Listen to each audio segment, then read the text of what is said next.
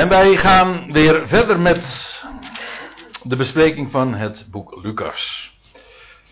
De zesde avond en we zijn nog steeds bezig in het eerste hoofdstuk.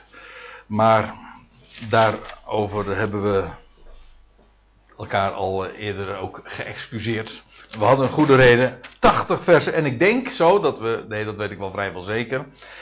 Of het moet echt eh, heel anders gaan lopen dan gepland, maar dat we vanavond wel in het tweede hoofdstuk zullen arriveren. En dat betekent dus dat we met het laatste gedeelte een aanvang gaan maken. Misschien is het goed om nog eventjes uh, scherp te krijgen, want ja, het was toch, ja, hoe je het ook bent of keert, vorig jaar dat we voor het laatst hier in deze setting bij elkaar waren.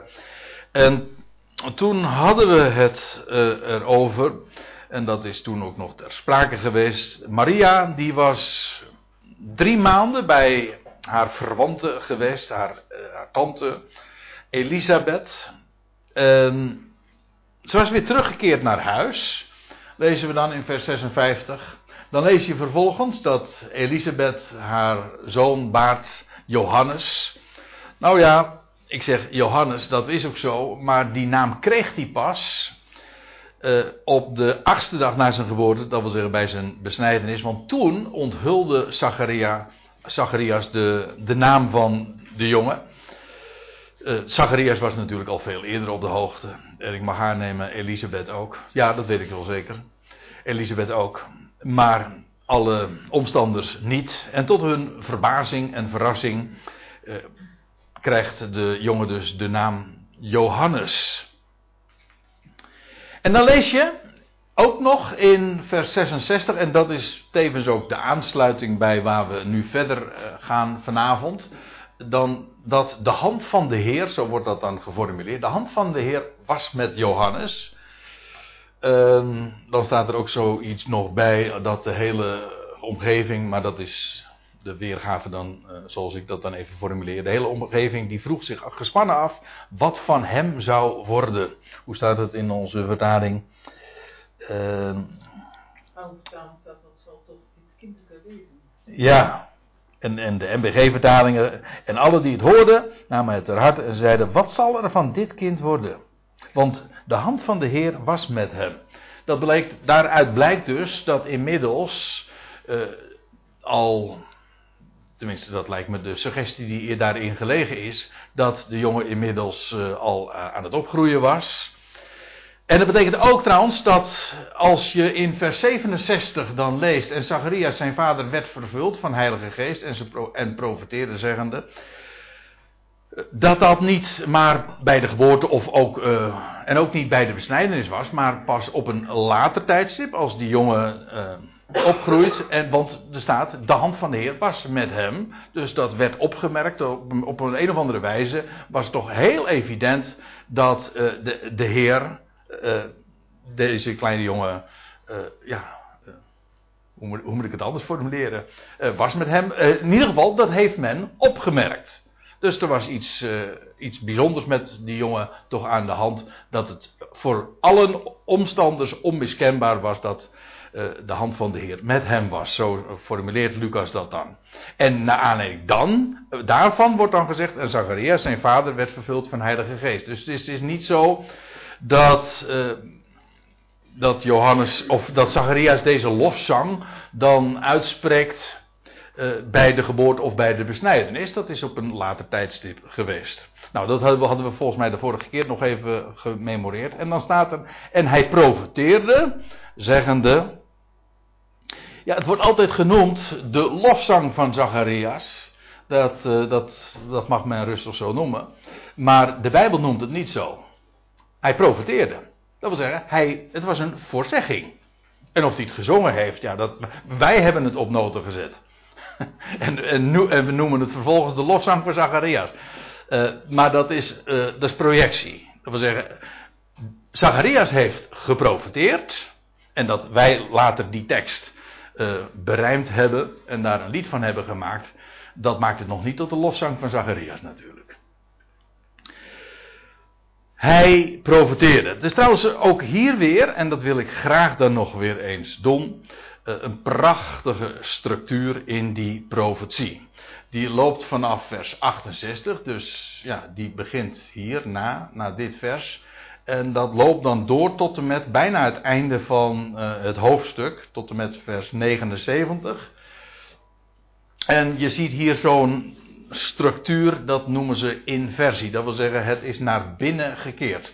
Dat wil zeggen, het begin en het einde correspondeert. En dan het, uh, het, het, twee, het tweede gedeelte, dat correspondeert dan met het één na laatste. En, enzovoorts. Het derde correspondeert dan met het twee na laatste. En het vierde met het vier, eh, drie na laatste, zeg ik het goed, ja. In ieder geval, eh, zo loopt het dus helemaal naar het uh, einde. Je ziet trouwens ook, ik, heb, ik weet niet of je dat. Ik zie het hier op het scherm, of mijn scherm voor mij wel, maar of het hier ook goed ziet. Dat, uh, ik heb een paar woorden ook vet gedrukt.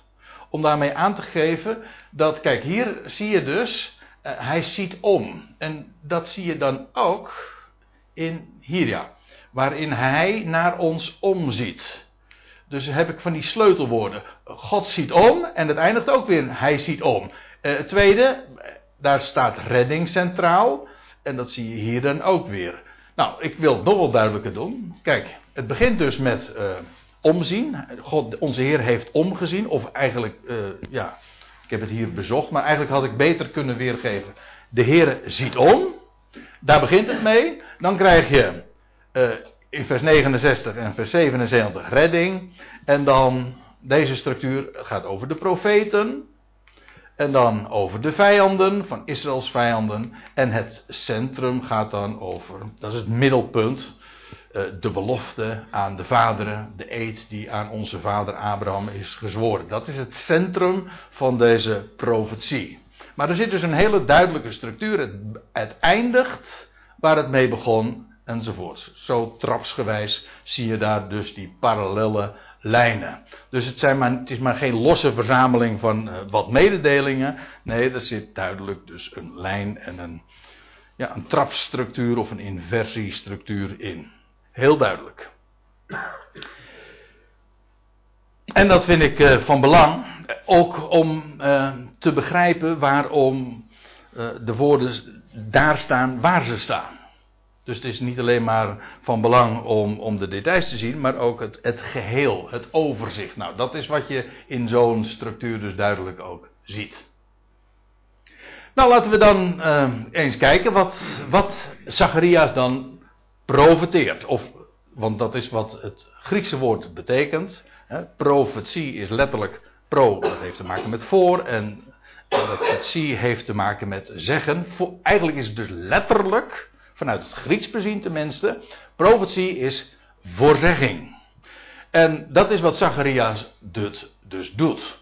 Gezegend, zegt hij dan, is de Heer, de God van Israël. Waarbij eh, het woord gezegend, ook dat moet je dan vanuit het Grieks denk ik zo bezien. Het Grieks woord logia, dat bestaat ook uit twee elementen, namelijk uit wel of goed en dat laatste, dat logia, dat heeft te maken met uh, spreken. Dus eigenlijk goed. Iemand die gezegend wordt, of iets dat gezegend wordt, daar wordt wel van gesproken. Of als God zegent, dan wil dat zeggen, hij spreekt daar goed van. En in dit geval is, is het de Heer, de God van Israël, die wordt uh, gezegend, daar wordt wel van gesproken. En feitelijk is dat een samenvatting, je zou kunnen zeggen dat het eerste woord meteen de samenvatting is van de rest van de profetie. Want er wordt wel gesproken van God. Namelijk uh, de Heer, de God van Israël. Waar, hoezo? Wel, hij ziet om. Hij ziet om en bewerkt verlossing voor zijn volk. De vorige keer zagen we dat ook al eerder in verband met die woorden die Maria sprak. En dan wordt het in de, in, in de gangbare vertalingen al het meeste in de perfectum weergegeven als, als, voltooide, als voltooid feit. Maar dat is niet zoals het er staat. Um, dan wordt bijvoorbeeld, je ziet het hier in de MBG-vertaling, hij heeft omgezien. Of hij heeft verlossing uh, gebracht. Maar dat is niet uh, wat er staat. Het staat, in, het staat er niet als een perfectum, het staat in de beroemde aorist. Gewoon als een tijdloos feit. Hij, hoezo?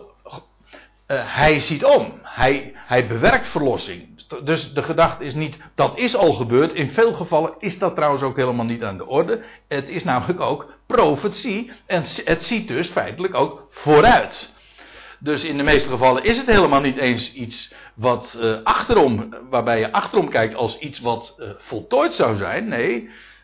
Maar in de werkwoordsvorm wordt in ieder geval niet het accent gelegd op het feit, op, ja wel op het feit, maar niet op het uh, voltooide karakter ervan. Maar gewoon, God, waarom wel gesproken van de God van Israël? Wel, hij ziet om. Ongeacht wanneer.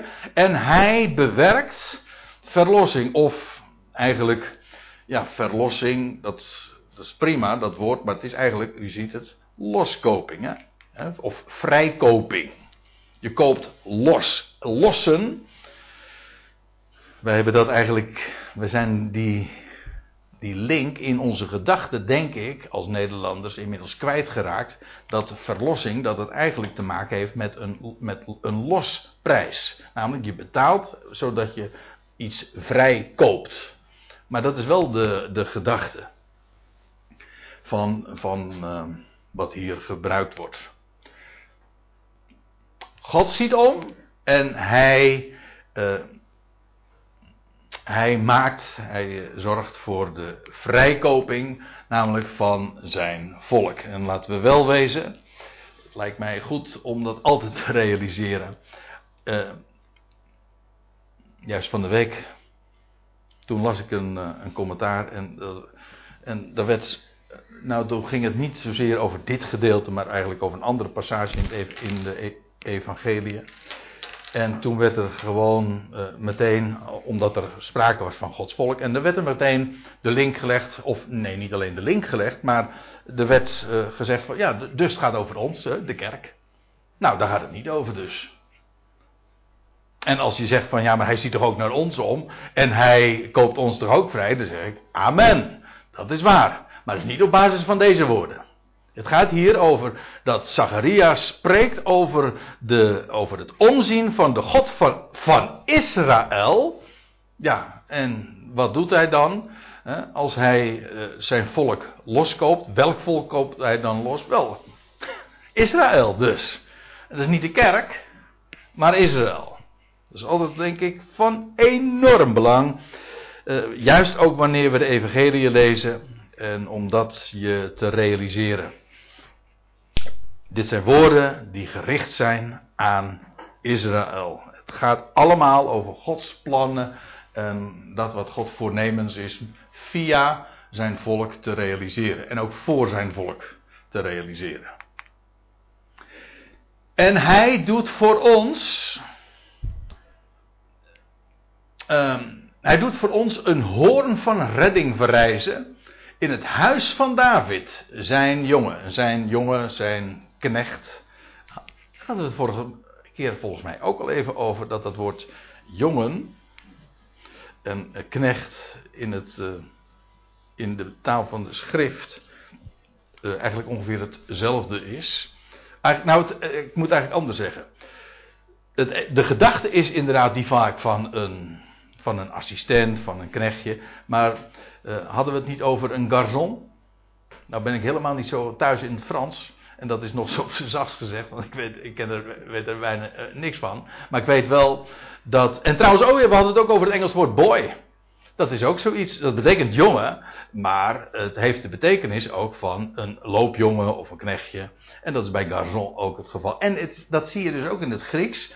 Uh, als het gaat hier over David, zijn jongen, dat wil zeggen, dat is Gods jongen. Wel, dat was. Uh, ja, zijn jongen. Um, het, dat verwijst dus uiteraard niet in dit geval naar, uh, naar jo uh, sowieso niet naar Johannes, want laten we wel wezen, het gaat hier over het huis van David. het, het kan hier niet gaan over Johannes. Dat zou je misschien denken, dat Johannes, eh, Zacharias die profeteert, naar aanleiding van de geboorte en het opgroeien van, van zijn, zijn jongen, van zijn zoon, jawel. Maar uh, het opmerkelijke is dat hij profeteert in de eerste plaats over het feit wat God doet met zijn volk via ja, de Heer Jezus Christus. Ja, ik, dat, nou loop ik een beetje vooruit, maar in ieder geval via de Messias. Kijk, als hier wordt gesproken over een hoorn van redding die God doet verrijzen in het huis van David, dan gaat het dus uitdrukkelijk niet over Johannes, want Johannes kwam helemaal niet uit het huis van David, maar die kwam uit het huis van Aaron, uit de stam van Levi. Terwijl het hier gaat over het huis van David, dus dat wil zeggen de dynastie van David. En wat doet God met die dynastie van David? Wel, hij doet voor ons, zijn volk, Israël, een hoorn van redding verrijzen. Nou, dat is, dat is typisch uh, bijbels taalgebruik. Want wij zeggen dat niet zo. Maar een hoorn, en dat lijkt mij heel erg belangrijk om te zien. Een hoorn in de Bijbel. Dit, dit dus, hè. En ik heb het niet over hoorn. Sommige mensen zeggen dat zo, in het uh, oosten van het land. Hè. Ik kan niet goed horen. maar zo bedoel ik het niet. Hoor, een hoorn, uh, dat is een, uh, een koning, of meer in het algemeen koningschap.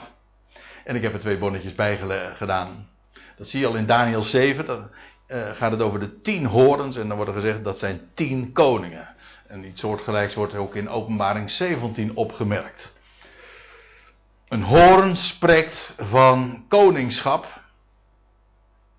En, en een, een, ja, in dit geval zou je kunnen zeggen, ja, maar het is ook een. Uh, sowieso dat het om koningschap gaat, lijkt mij duidelijk, want het wordt in verband gebracht met het huis van David. En dat is het koningshuis, de dynastie, waar God zijn belofte aan verbonden had. Dus als God via zijn volk en aan zijn volk zijn belofte gaat vervullen, dan doet hij dat via het huis van David. En daar brengt hij een hoorn. En ineens moet ik eraan denken dat uh, ooit werd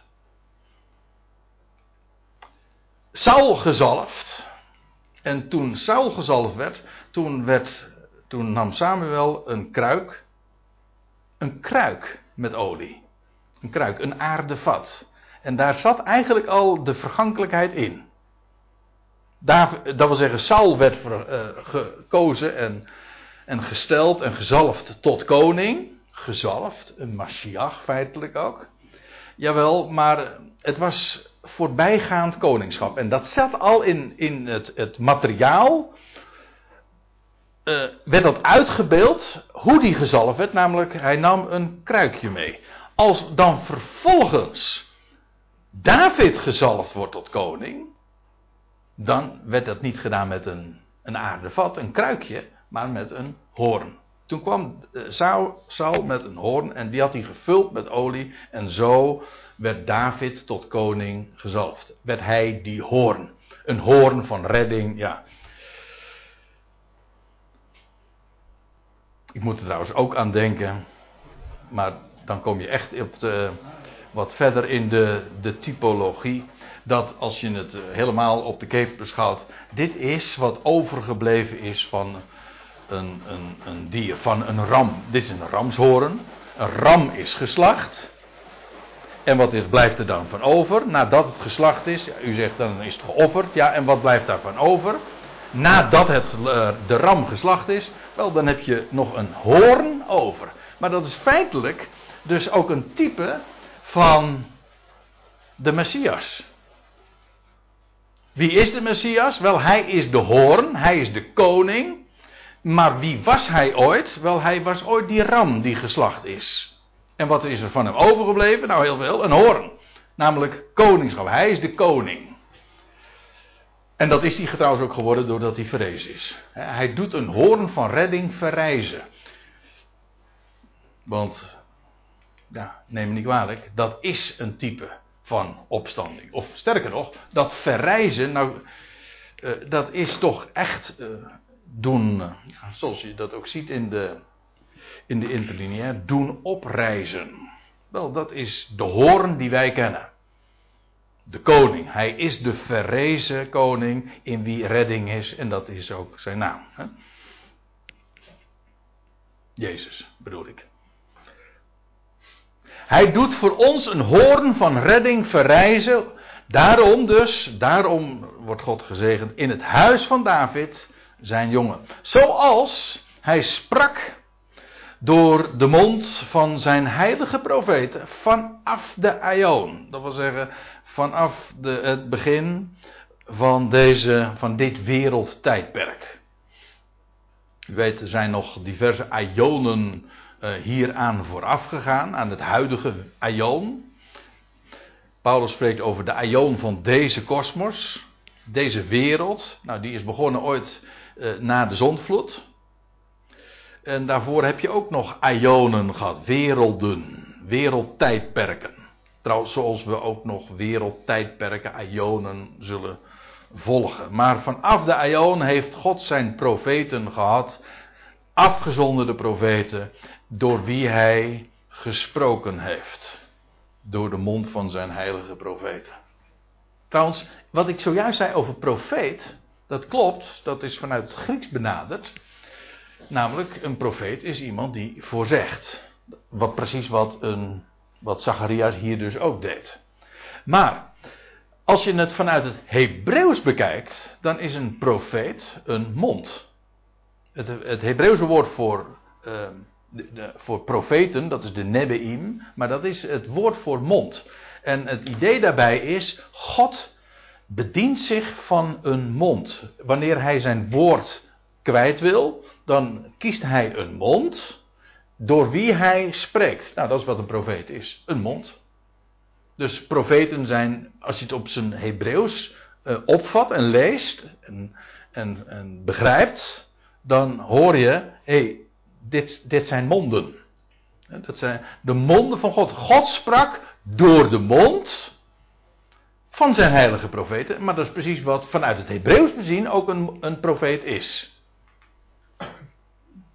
In Handelingen 3, daar lees je in vers 21, daar is Petrus aan het woord. En daar staat er, uh, wordt er, inmiddels ziet Petrus dan terug en over, uh, op het feit dat de Jezus Christus inmiddels definitief, dus aanhalingstekens, van het toneel is verdwenen en op de Olijfberg is ten hemel is gevaren. En dan staat er van hem, hem die de hemel moest ontvangen, dat wil zeggen de hemel moest hem opnemen, tot op de tijden van herstel van alles waarvan God sprak. Dat wil zeggen, God gaat alles herstellen waarvan hij ooit heeft gesproken. Bij monden, heb je het weer, van zijn heilige profeten vanaf de Aion. Dus de formulering is vrijwel identiek bij wat we hier ook van Zacharias lezen. Opmerkelijk woord. Alles wordt hersteld waarvan, de, waarvan God gesproken heeft bij monden van zijn heilige profeten. En alles wat je dus leest hè, over, eh, over al die rijken, over Jeruzalem en Syrië en Babel enzovoort. Alles komt in, in die eindtijd, wordt weer gereconstrueerd, wordt weer hersteld, gerestaureerd. Dat gaat God doen. Ja, want ik hou ervan om eraan te denken dat God niet voorspelt, zoals wij dat dan, uh, zoals men dat heel vaak dan uitlegt.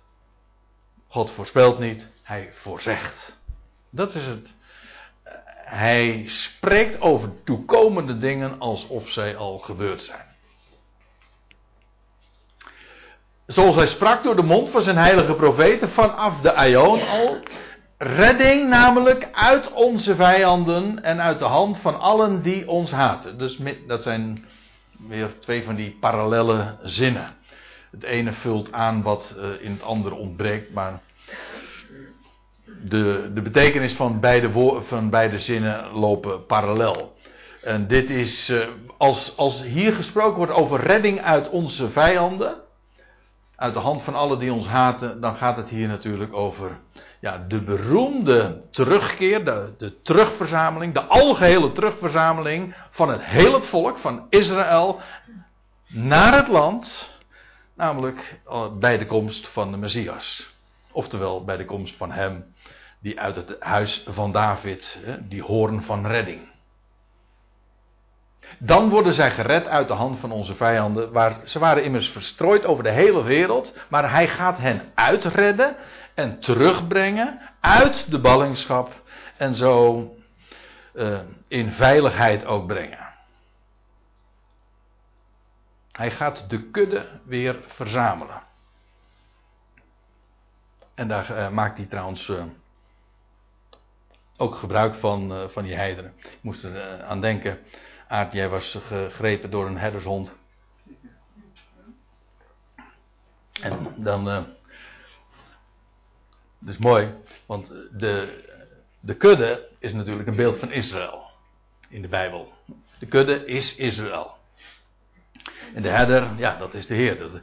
En wat doet hij? Hij gaat, hij gaat zijn volk verzamelen. Maar daarbij, daarbij maakt hij gebruik van zoals een, eh, een herder dat ook doet, van honden. En honden zijn de natie. Toch? Dus een herdershond is eigenlijk een beeld van ons, ja. Hondjes. De hondjes, dat zijn de natie. En door die, door die honden brengt hij de kudde weer uh, ja, in, de, in de stal en brengt hij ze bij elkaar. Hij verzamelt de kudde. Ik vind het mooi zoals ja, die, dat, dat Bijbelse beeld loopt gewoon. Dat wordt gewoon ook aangevuld bij de kennis die we ook over uh, dat hele fenomeen hebben. Een herder doet dat door middel van. De islam noemt ons ook honden. Ja, heel complimenteus. Hè? Ja, mij hebben ze een christenhond genoemd. Ja.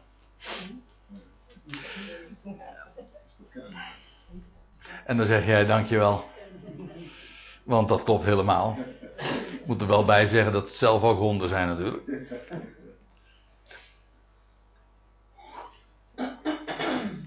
Ja.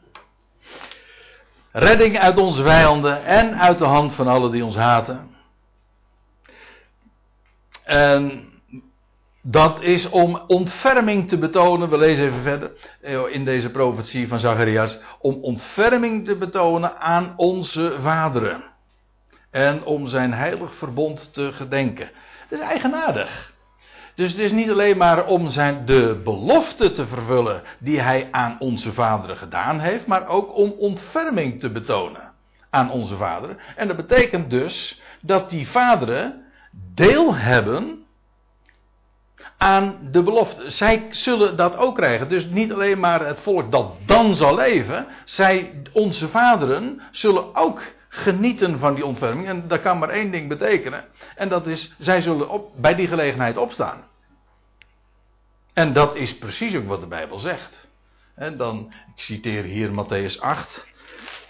Nou, laat ik het eventjes, laat ik er even snel naartoe gaan. Matthäus 8, vers 11, daar lees je. Oh, dat heb ik niet goed gezien. Nee, zit in Marcus te kijken.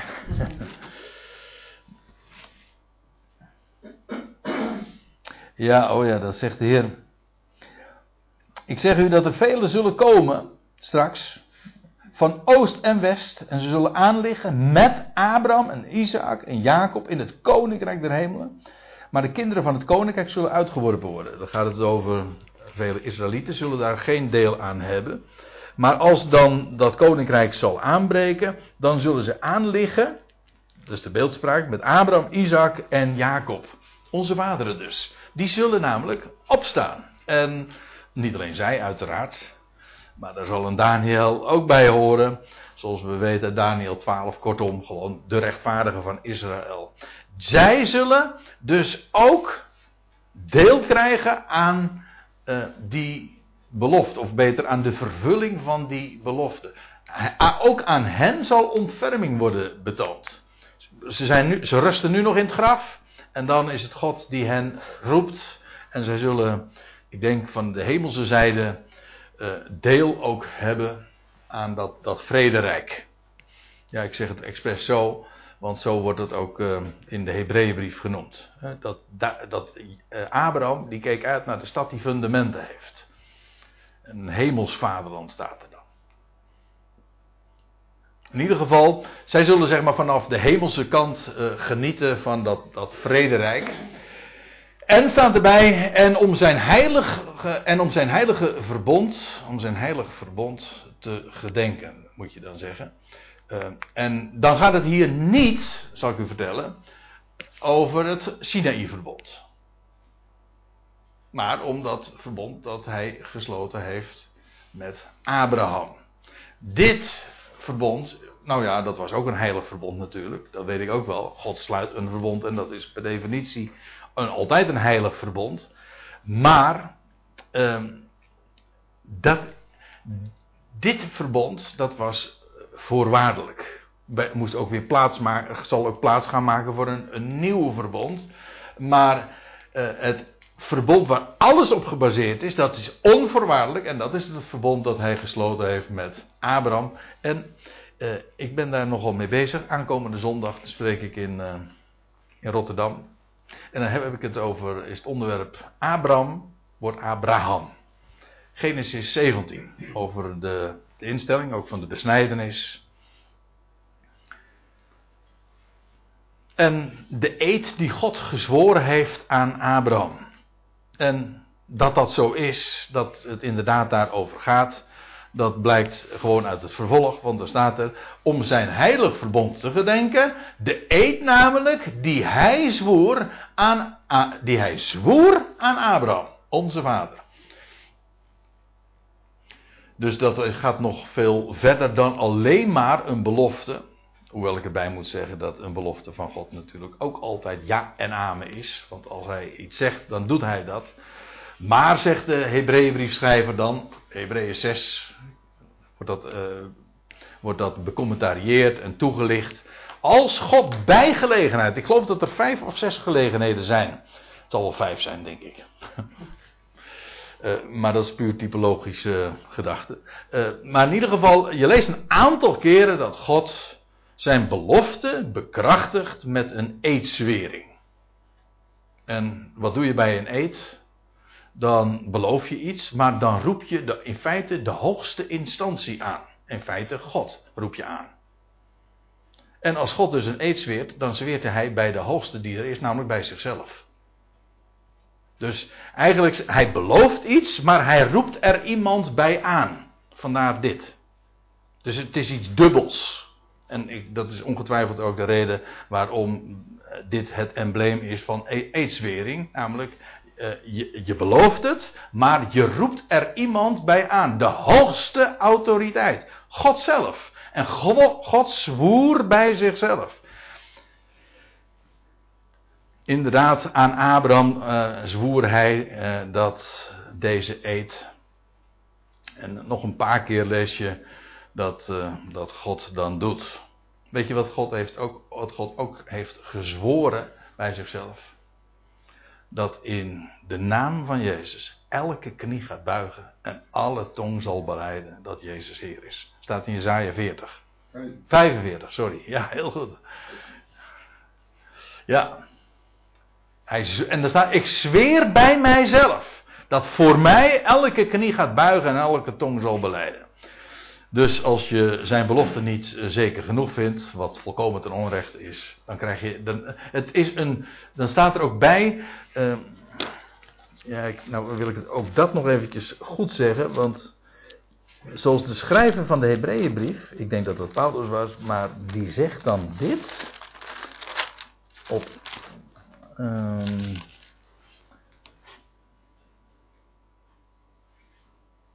Want toen God aan Abraham zijn belofte deed, zwoer hij, omdat hij bij niemand hoger kon zweren, bij zichzelf. Zeggende, voorzeker zal ik u zegenen en zekerlijk u vermeerderen. En dan staat er even bij. Vers 17 van Hebreeën 6. Daarom heeft God, ik lees u voor uit de MBG-vertaling dus. Toen hij des te nadrukkelijker aan de erfgenamen de belofte het onveranderlijke van zijn raad wilde doen blijken, zich onder ede verbonden, opdat door twee onveranderlijke dingen, waarbij het onmogelijk is dat God liegen zou, wij die tot hem de toevlucht genomen hebben, een krachtige aansporing zouden hebben om de hoop te grijpen die voor ons ligt. Haar hebben wij als een anker, et cetera, et cetera. Maar door twee onveranderlijke dingen. Dus het is de belofte en de God, de hoogste die er is, die aangeroepen wordt, zodat het des te nadrukkelijker, onveranderlijker is en eh, het onmogelijk is dat God liegen zou. Vandaar dus die eed. En als ik hier uh, verwijs naar Psalm 105, dan staat het ook het verbond met Abraham. Hè? Dat is, maar de, ik ben geneigd om het nu op, in de berijmde versie dan weer te herhalen. Het verbond met Abraham, zijn vriend, bevestigt hij van kind tot kind. Hoe ging die? Er zit, er zit hier. Uh, het is al zo'n tijd geleden dat ik dit uh, gezongen heb. Bijvoorbeeld bij een uh, besprenkelingsplechtigheid. Maar in ieder geval, dat is Psalm 105. Maar ja, dat, wordt, dat heeft. Ik, dan zie je weer dat fenomeen waar ik het even eerder over.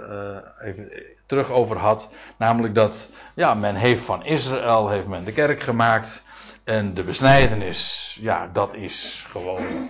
In plaats van de besnijdenis is de doop gekomen. Dat is ook precies de formulering dan. En zo hebben ze, ja, dat niet alleen maar overgeheveld, maar ook, je zou het, nou even de kwalijke vorm. Uh, en dat is eigenlijk wat het is. Men heeft Israël daarmee ook onterfd. Want ja, als jij de erfenis overneemt.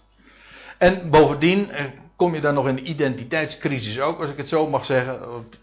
Misschien wat psychologisch geformuleerd. Want het betekent namelijk niet alleen maar dat jij iets gejat hebt wat niet jou toekomt. Dus, dus wederrechtelijk je iets toe-eigenen. Maar het is ook nog eens dat je daarmee zelf niet meer weet wie je bent. Wie je echt bent. De beloften die wel voor jou zijn, die, die zie je niet meer. Want ja, je, hebt, je, bent, je bent, denk je, al een ander. Je denkt dat je Israël bent, ben je helemaal niet. En je denkt, en dan, kom je dus in een heel gevaarlijk rollenspel. Want dan, dan doe je alsof je iets bent, want je leeft in de waan dat je het ook echt bent. En je, en je neemt alles over wat aan Israël gegeven is. En je, je meent die rol te vervullen.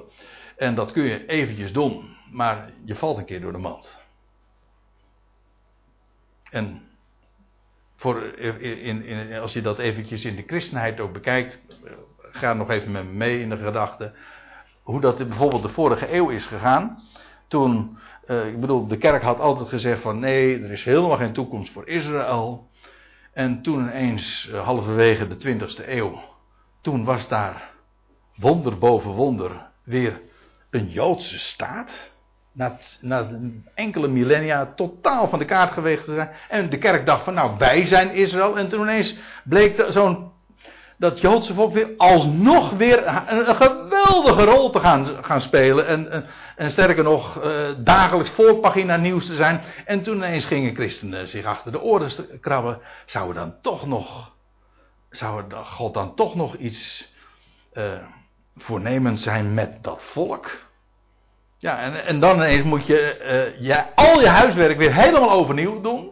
Want dat betekent namelijk dat alles wat je dacht dat wij waren, uh, dat is dus niet, dat klopt niet. Maar dat betekent ook dat je, dat je niet alleen weer, uh, dat je weer oog gaat krijgen voor, voor Israël. Maar het betekent dus ook dat je weer de vraag moet stellen, ja maar wie zijn wij dan eigenlijk?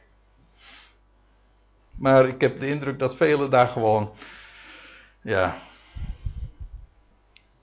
die blijven eigenlijk uh, op twee gedachten hinken. Er zal nog wel iets voor Israël zijn, maar zonder dat wezenlijk allemaal te doorzien en echt helemaal weer terug naar af te gaan. Ja, en oftewel, en nou ben ik weer terug bij de tekst.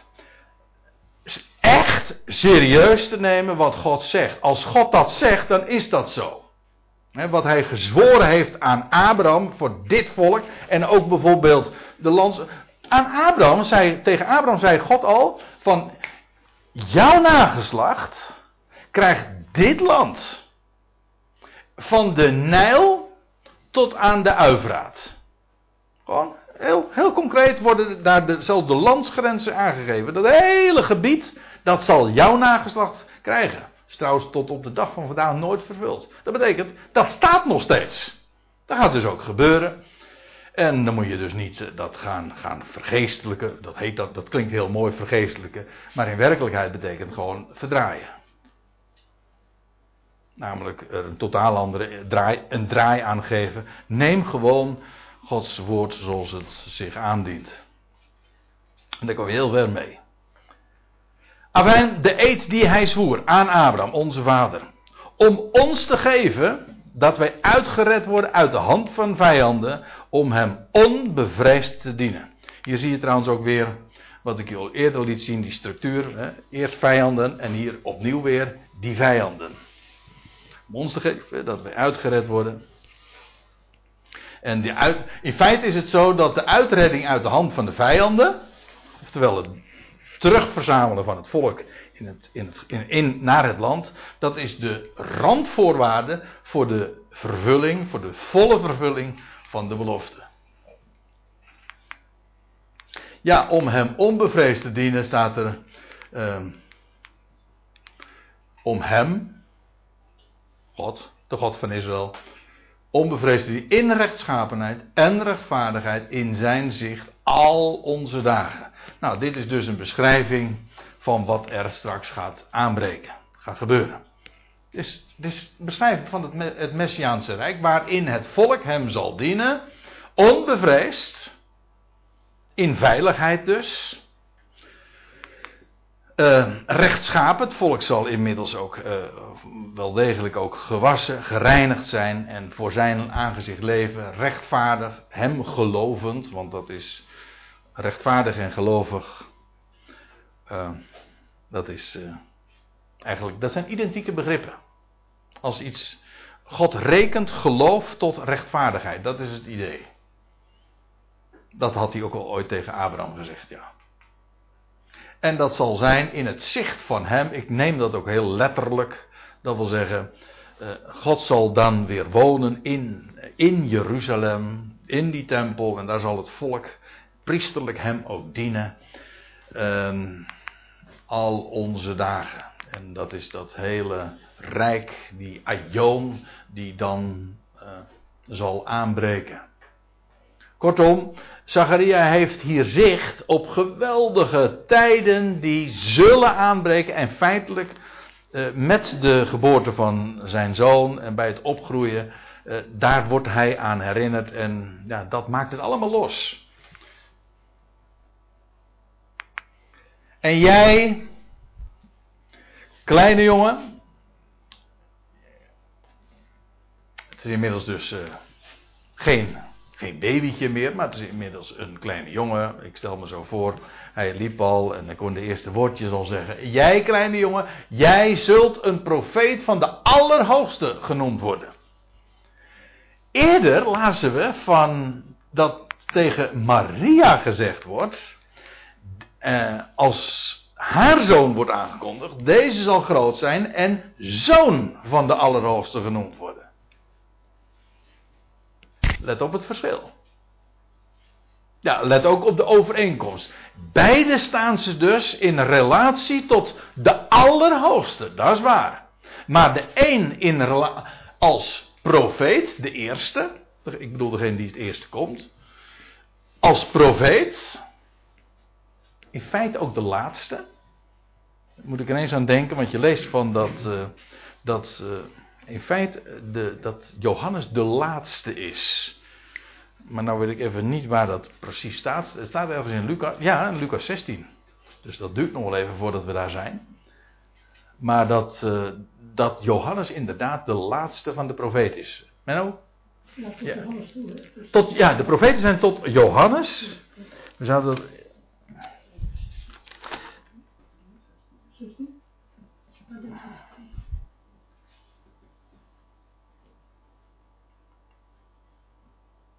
Ja. Lucas. Nou, kan, hij ah, is makkelijk te onthouden. Lucas 16, vers 16. De wet en de profeten gaan tot Johannes. En sinds die tijd wordt het evangelie gepredikt enzovoort. Maar eigenlijk is. Ehm, ja, je, eh, Johannes is de schakel uh, tussen de Tenach, hè, de wet en de profeten zijn tot Johannes. Dat zeggen, hij is de laatste daarvan. En, uh, en hij is de verbindende schakel tussen de Tenach, als laatste profeet. En, ja, en het nieuwe dat gaat komen. Vandaar ook trouwens dat uh, de Heer later ook van hem zegt. Van alle die uit de vrouwen geboren zijn, is Johannes de grootste. Maar de kleinste in het koninkrijk, dat wil zeggen wat aanbreekt bij mij, vanaf mij, is groter dan hij. En dat heeft te maken met wat de, de tijd uh, sinds de opstanding. Nee. Ja, ik, ik zit even te denken, laten we, we zullen daar nog wat meer over vertellen, maar ik laat het hier even bij. En misschien is het goed om dit nog even, nog even af te ronden. Jij, kleine jongen, je zult een profeet van de Allerhoogste genoemd worden, want je zult uitgaan in het zicht van de Heer om zijn wegen gereed te maken. Hé, hey, maar die kennen we. Want dat had Jezaja al ooit gezegd. In Jezaja 40. Een stem van een roepende in de wildernis. Eerste wat Johannes ook doet. Hè? Als hij volwassen wordt, dan gaat hij naar de woestijn, naar de wildernis. En dan maakt vlak de weg van Yahweh. Maakt recht in de rotswoestijn een hoofdweg voor onze God. Zo staat het er dan letterlijk. Hij is de wegbereider. Om aan zijn volk, weer zijn volk Israël, kennis van redding te geven in loslating van hun zonde. We hebben het al eens een paar keer eerder aangeroerd, maar opnieuw wil ik er toch eens op wijzen. In de MBG-vertaling wordt dit vertaald met uh, vergeving. En dat, daar is ook niks mis mee. U ziet het ook hier in de interlineair wordt het zo weergegeven. Maar de, uh, de gedachte is, het is, het is denk meer. Het is, het is niet alleen maar vergeving, van, maar loslating in de zin ook van bevrijding. Een gevangene wordt losgelaten. Loslating van hun zonde is niet alleen maar van dat uh, de schuld niet meer wordt toegerekend. Nee, jullie, zijn, jullie worden bevrijd van je zonde. Je wordt in vrijheid gesteld. Ja, dat is bevrijding van zonde. Door staat er, de, ja dat is een mooi woord. Door de innerlijke bewegingen van ontferming van onze God. Dat is God. De, er staat hier namelijk een woord de, in de, in de interlineair, de innerlijke gevoelens. In Handelingen 1, vers 18 wordt het trouwens vertaald met ingewanden. Dat is een wat lugubere geschiedenis over, over Judas die dan die dan uh, valt. En dan zijn ingewanden uh, werden naar buiten gestort. Hoe staat het er precies? Maar in ieder geval, dat is heel luguber. Maar in ieder geval gaat het over zijn ingewanden. Maar hetzelfde woord. Het idee is namelijk de ingewanden, dat zijn, ja, dat, waar, waar voel je de innerlijke de dingen? Waar, waar, uh, waar, gaat het rommelen? Hè? Je, de emoties.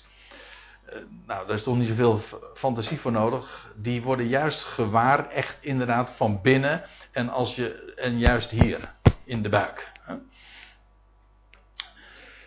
Isaiah 54 spreekt er ook over. En wel? Over die innerlijke beweging als zijnde een moeder die eigenlijk uh, zo opgaat in ontferming voor haar kind. Oké. Okay. Ja, ik weet ook dat het woordje barmhartigheid eigenlijk in, eh, dat dat ook te maken heeft met baarmoeder. Maar hier zijn eh, de ingewanden. Er staat ook ergens in de, als ik het me niet vergis, ergens in de profeten, mijn ingewanden rommelen. En dan wordt er uitge, uitgedrukt over de, de gevoelens die God heeft voor zijn volk door de innerlijke bewegingen van ontferming van onze God, waarin Hij naar ons omziet, dageraad uit de hoogte. ja, ik zie. eh, ik, ik dacht van, ik rond het nog eventjes af, dit hoofdstuk, eh, voor de.